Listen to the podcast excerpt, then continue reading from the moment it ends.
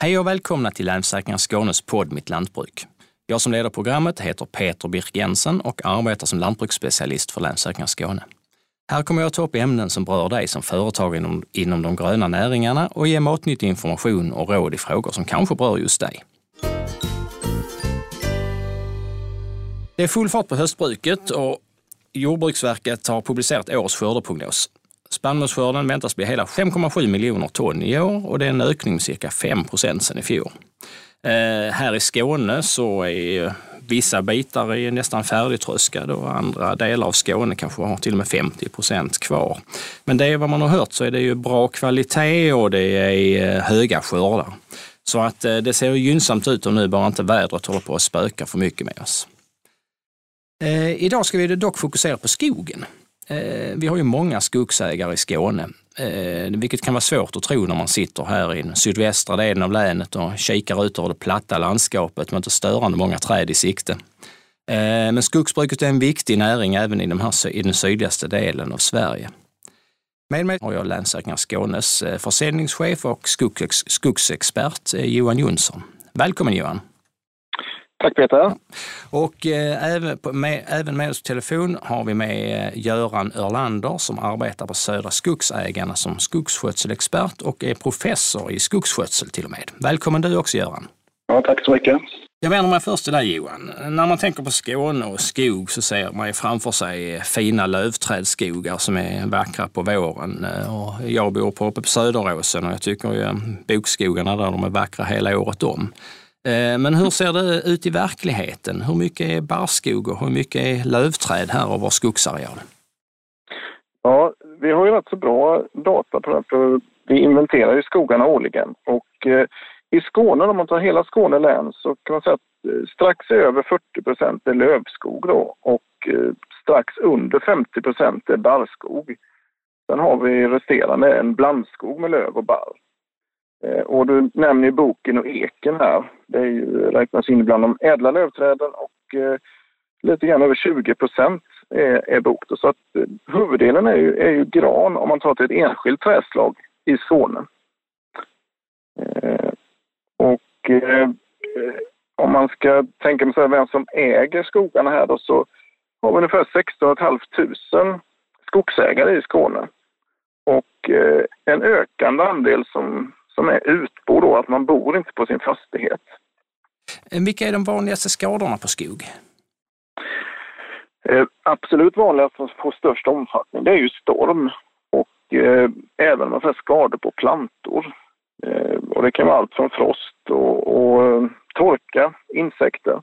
Brand har ju minskat i, i frekvens även om man tänker sig den här stora branden i Sverige för några år sedan så är vi duktiga på brandbekämpning och upptäcka det. Så att storm är den huvudsakliga eh, skadan. Ja, när vi kommer tillbaka till det lite senare i programmet och vad man kan få ersättning för när det gäller skador på skog.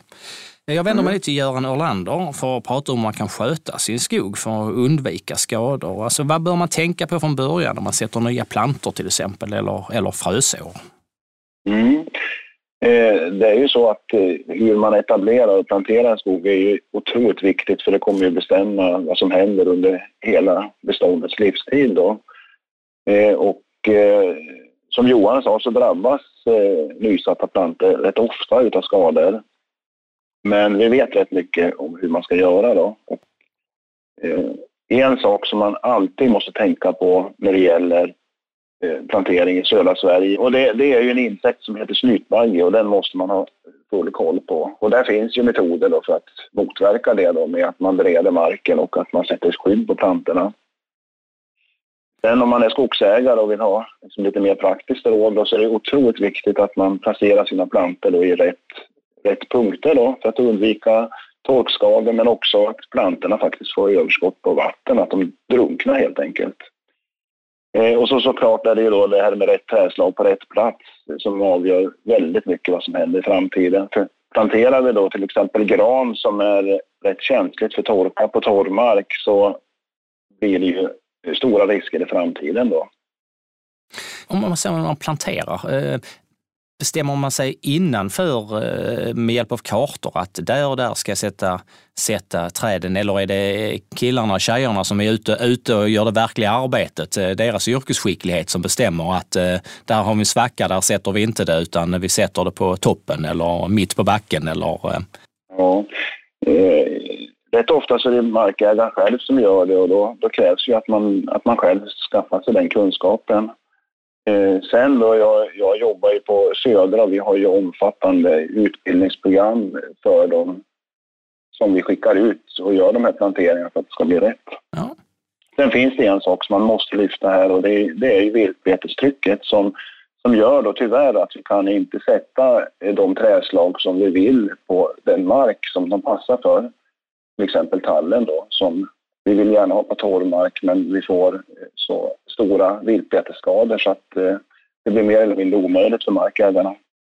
Eh, vården av skog regleras av något som heter skogsvårdslagen om jag förstått det rätt. Vad är, vad är egentligen skog, god skogsvård?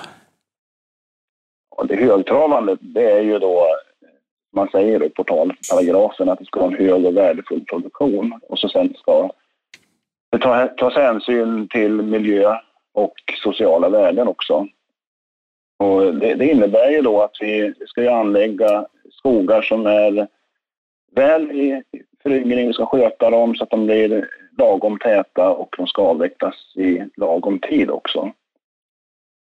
I det här sammanhanget så ska man ju nämna då de skogsskyddsregler som finns i skogsvårdslagen som, som reglerar vad man måste göra för att motverka, det är framförallt insektsskador då, som handlar om eh, om man får en storm, stormfällning som Johan nämnde då, så är det otroligt viktigt att man, man tar bort det här stormskadade virket. Och det är reglerat också i skogsvårdslagen. Mm. Men skogsvårdslagen är lång så att det går inte att gå igenom den på en kort stund. då, då somnar vi alla rätt vad det är. Då kommer det i sommar. ja, det innan det kommer storm under tiden, ja. ja eh, nästan. så Johan, som, som, som Göran sa här så eh, om man drabbas av en storm så, ehm, så är det ju då viktigt att få undan det med tanke på insekter. Är det något annat man behöver fundera på eh, eh, om man har drabbats av en storm? Ja, det, det viktigaste är väl mycket om man säger just stormen, att vänta ut stormen. I, att eh, man behöver se över skadorna men inte under stormen. Det är oerhört stora man säger, eh, krafter.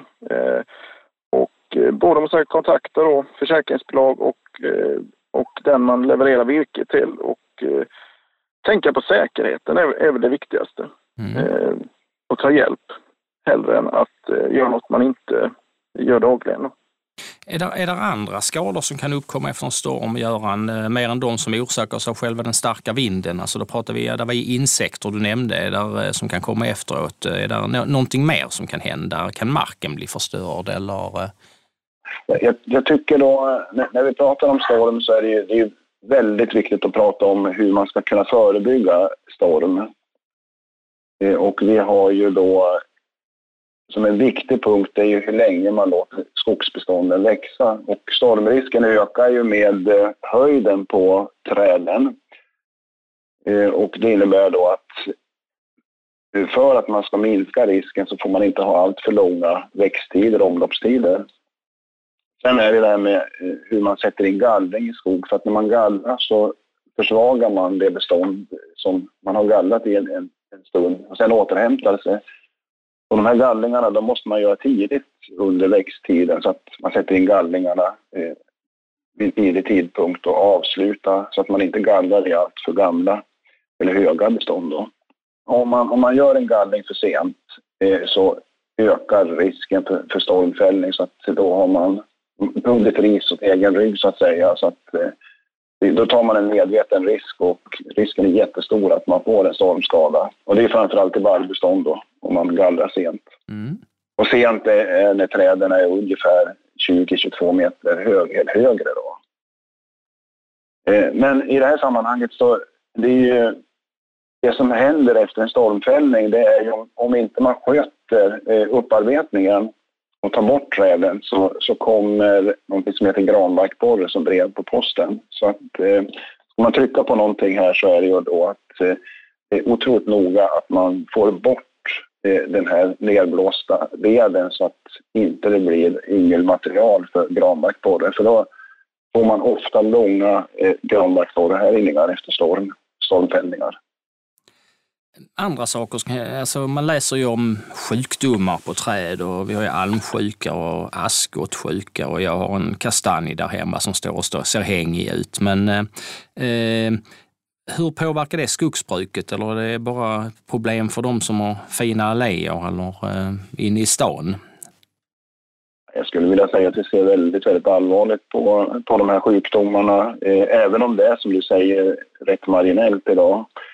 Eh, men lokalt, även för skogsägare, kan det ju vara ett dråpslag, till exempel askskottsjukan då. Och eh, det är klart att vi som skogsbrukare vill kunna spela med eh, hela, alla trädslag som finns. Och vi tar asken till exempel, den är, ju, den är rätt lättodlad och ett värdefullt trädslag så det är otroligt trist att, mm. eh, att det har blivit som det har blivit. Och man kan ju bara tänka om det i framtiden skulle komma problem för våra huvudträdslag då, bok, ek, grantall, björk. Det, det, skulle vara helt förödande. Så att, eh, det här har vi väl, väldigt, väldigt stor koll på. Ja. Eken har också varit, eh, det läste inte jag för något år sedan, och sånt, att det var någon, någon typ av eksjuka eller det kanske bara jag som har inbillat mig? Nej, nej alltså vi, har, vi har haft problem med eken och det här är eh, rätt komplicerade frågor och vad det beror på. Så att, eh, jag skulle vilja säga att forskningen har inte riktigt rätt ut det. Men man pratar om ekdöd då. Och, eh, ja, det är naturligtvis någonting som är, som är allvarligt. Mm. I lantbruket i övrigt så är vi bekymrade över det, alltså att man får in nya otäcka insekter eh, genom ett eventuellt varmare klimat eller, eller genom det varmare klimatet. Är det, det är likadant för skogsbruket då gissar jag mig till.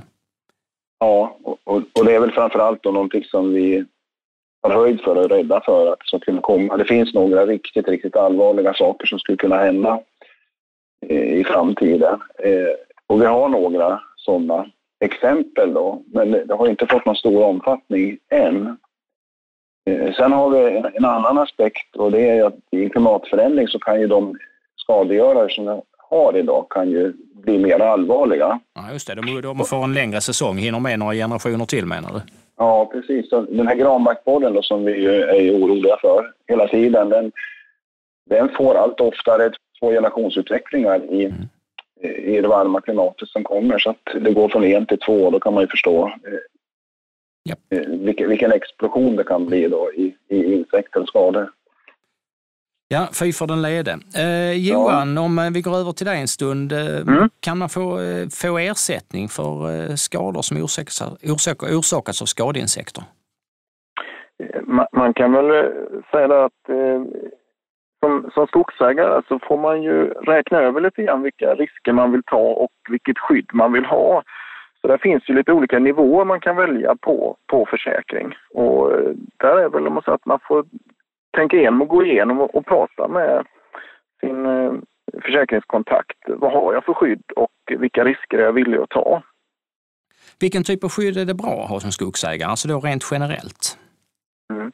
Eh, oftast har man ju i, i grunden en, en brandförsäkring då. Och eh, sen är det som, som tidigare att vilken risk eh, har man mycket föryngring, ja, då får man ju titta över att eh, ska jag skydda den på något sätt och vilka, vilka ekonomiska möjligheter har jag själv att klara ut om det skulle bli någon skada.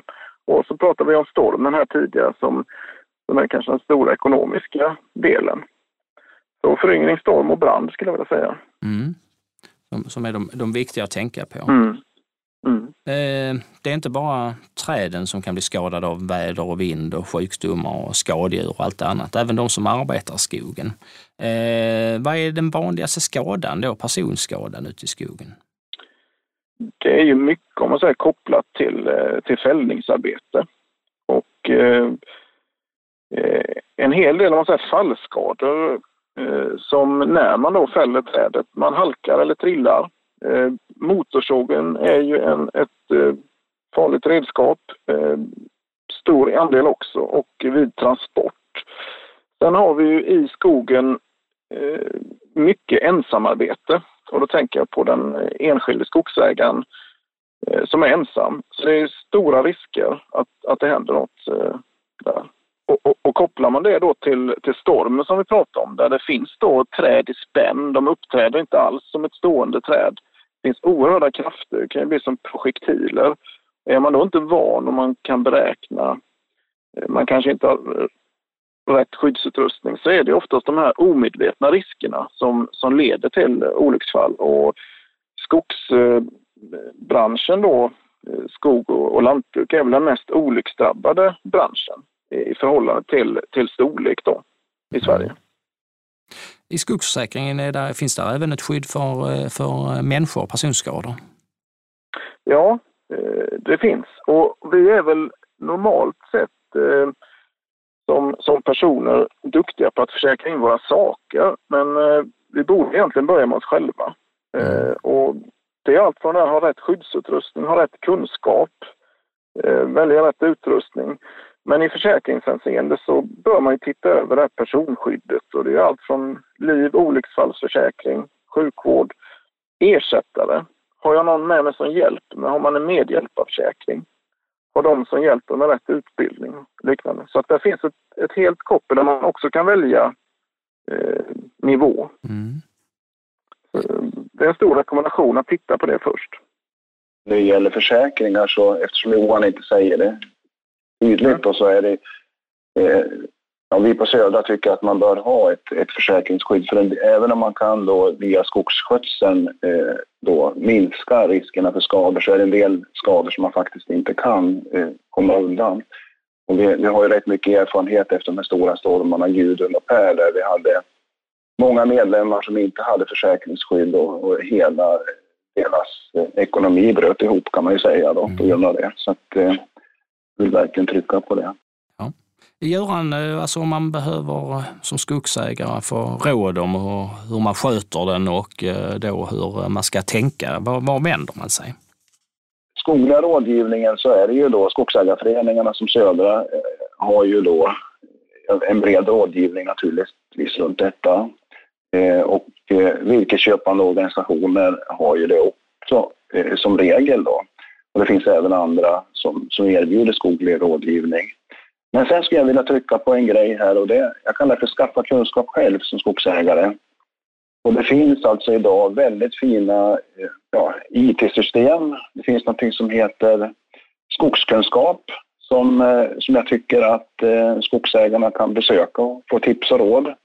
Och är man lite, ännu lite mera intresserad av sin skogsfastighet så finns det faktiskt universitetskurser som är riktade mot eh, familjeskogsbruket som ges på Linnéuniversitetet som jag också tycker att man kan som mm. intresserad skogsägare titta på. Det menar att det är lönsamt att skaffa sig kunskap själv. Då. Ja, det, det, är det ju alltid. så.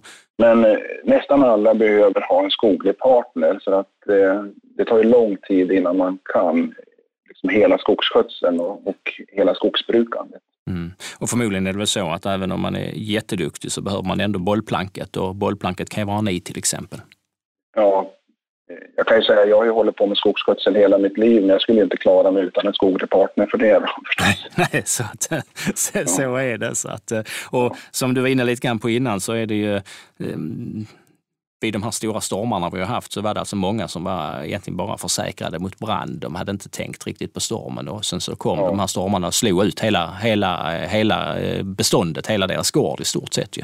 Ja, det var i Kronoberg. Jag, jag, Johan kan korrigera mig om jag minns fel, men jag har för mig att det var bara 25 procent som hade en ordentlig stormförsäkring i. Kronobergs län. För det hade inte varit storm på väldigt, väldigt länge och eh, man såg inte liksom, behovet. Det är svårt med de här grejerna som inträffar väldigt sällan. Ja.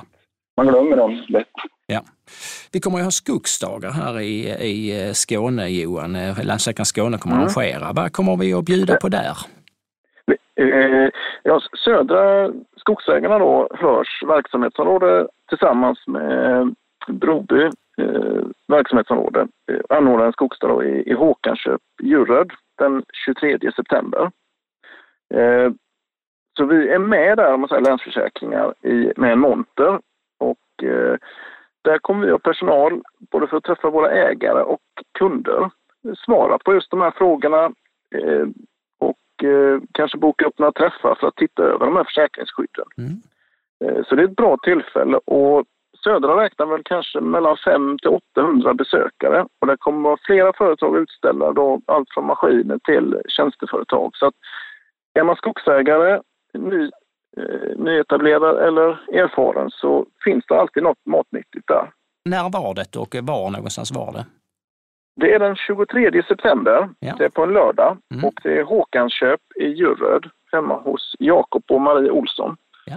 Eh, och där kommer det gå ut ett utskick också eh, till eh, skogsägare. Ja, låter jättespännande. Kunde till och med jag som eh, är född på slätten kanske ha intresse av som sådant.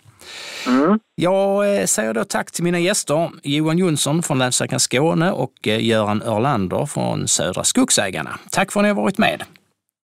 Tack. Tack så mycket. Det var allt vi hade att bjuda på för den här gången.